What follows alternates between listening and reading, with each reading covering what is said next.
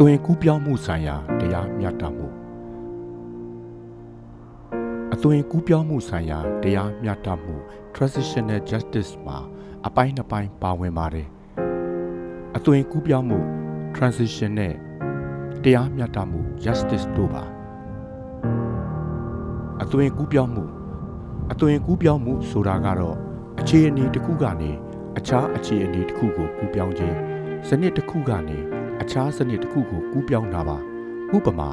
အာဏာရှင်စနစ်ကနေဒီမိုကရေစီစနစ်ကူးပြောင်းတာဖိနှိပ်မှု မတရားမှုကနေတရားမျှတမှုကိုကူးပြောင်းတာစစ်ပွဲပဋိပက္ခတွေကနေငြိမ်းချမ်းရေးကို ပြောင်းလဲတာမျိုးပါတရားမျှတမှုတရားမျှတမှုဆိုတာကတော့ကျေဝတ်စင်ချင်တုံတရားဥပဒေ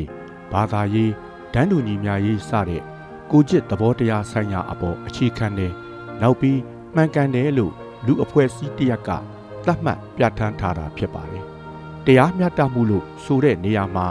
ရာဇဝတ်မှုဆိုင်ရာတရားမျှတမှု criminal justice လူမှုဆိုင်ရာတရားမျှတမှု social justice နဲ့အသွင်ကူးပြောင်းမှုဆိုင်ရာတရားမျှတမှု transitional justice တို့ပါဝင်ပါတယ်။အသွင်ကူးပြောင်းမှုဆိုင်ရာတရားမျှတမှု transitional justice လို့ဆိုလိုက်ရင်အာဏာရှင်စနစ်မှဒီမိုကရေစီစနစ်ကိုကူးပြောင်းတယ်ပြည်တွင်းစစ်ကနေငြိမ်းချမ်းရေးကိုကူးပြောင်းတယ်အဲ့ဒီလိုကူးပြောင်းရမှာနေရအနှက်မှာစနစ်တကျရည်ရွယ်ချက်ရှိရှိကျူးလွန်ခဲ့တာတွေအတွက်တရားမျှတမှုပြန်ရှာလာပါတရားစွဲဆိုခြင်းနီးလန်းနဲ့တော်၎င်းတရားစွဲဆိုအပြစ်ပေးခြင်းမဟုတ်တဲ့အခြားနီးလန်းနဲ့တော်၎င်းပြန်လည်ကြိုက်တွေဖြည့်ရှင်းတာပါ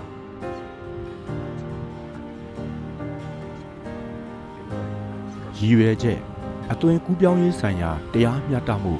transitional justice ရဲ့ရည်ရွယ်ချက်တွေကတော့အမှန်တရားပေါ်ပေါက်ရေးတရားမျှတမှုဖော်ဆောင်ရေးဂုံတိတ်ခါရရှိရေးနဲ့အပြစ်ပေးခံရခြင်းမှကင်းလွတ်ခြင်းဒလိတ်ကိုစัจကျင်တိုက်ဖျက်ရေးတို့ဖြစ်ပါတယ်။အသွင်ကူးပြောင်းမှုဆိုင်ရာတရားမျှတမှုဖော်ဆောင်တာဟာဖိနှိပ်ခံရမှုတွေကိုအတိအမှတ်ပြုလက်ခံရေးဆောင်ကျဉ်ပေးပါပဲ။နောက်ပြီးတော့ ငြိမ်းချမ်းရေးပြန်လည်သင့်မြတ်ရေးနဲ့တရားမျှတတဲ့စီမံအုပ်ချုပ်ရေးတွေကိုအားပေးမြင့်တင်ရာရောက်ပါတယ်ဘယ်လိုလှုပ်ဆောင်ကြလဲအမှန်တရားရှာဖွေခြင်းအမှန်တရားရှာဖွေတဲ့ဆိုတဲ့နေရာမှာပฏิပက္ခအတွင်းဖြစ်ပျက်ခဲ့တာတွေကိုတိတိကျကျမှတ်တမ်းတင်ထားမယ်။သမိုင်းစဉ်ဆိုးတစ်လျှောက်နှုတ်ဆက်ခဲ့ရတာတွေငင်းပယ်ခံခဲ့ရတာတွေဖုံးကွယ်ထားရတာတွေကိုဖော်ထုတ်ပြဆိုကြမယ်။ ပြင်ဆင်ပေးရောခြင်းကျူးလွန်ခံရသူတွေရဲ့အခွင့်အရေးကိုအတိအမှတ်ပြုမယ်။နာကျင်ခံစားရတာတွေအတွက်ပြန်ပြင်ပြုပြင်မယ်။အပြစ်ပေးအရေးယူခြင်းဘယ်လောက်ထိကြီးကြီးမားမားကျူးလွန်ခဲ့ကြောင်းထုတ်ဖော်မယ်။ကျူးလွန်ခံရသူတွေရဲ့ဂုံတိတ်ခါကိုပြန်လည်အဖတ်ဆယ်မယ်။ဥပဒေစိုးမိုးရေးအပေါ်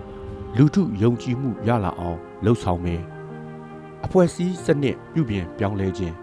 တဖန်ပြန်ကျူးလွန်နိုင်တာကိုကာကွယ်ဖို့ဖိနှိပ်တဲ့ဒါမှမဟုတ်ပေါ်တီးပေါ်ဆနိုင်တဲ့လုံခြုံရေးစနစ်ကိုပြုပြင်ပြောင်းလဲမယ်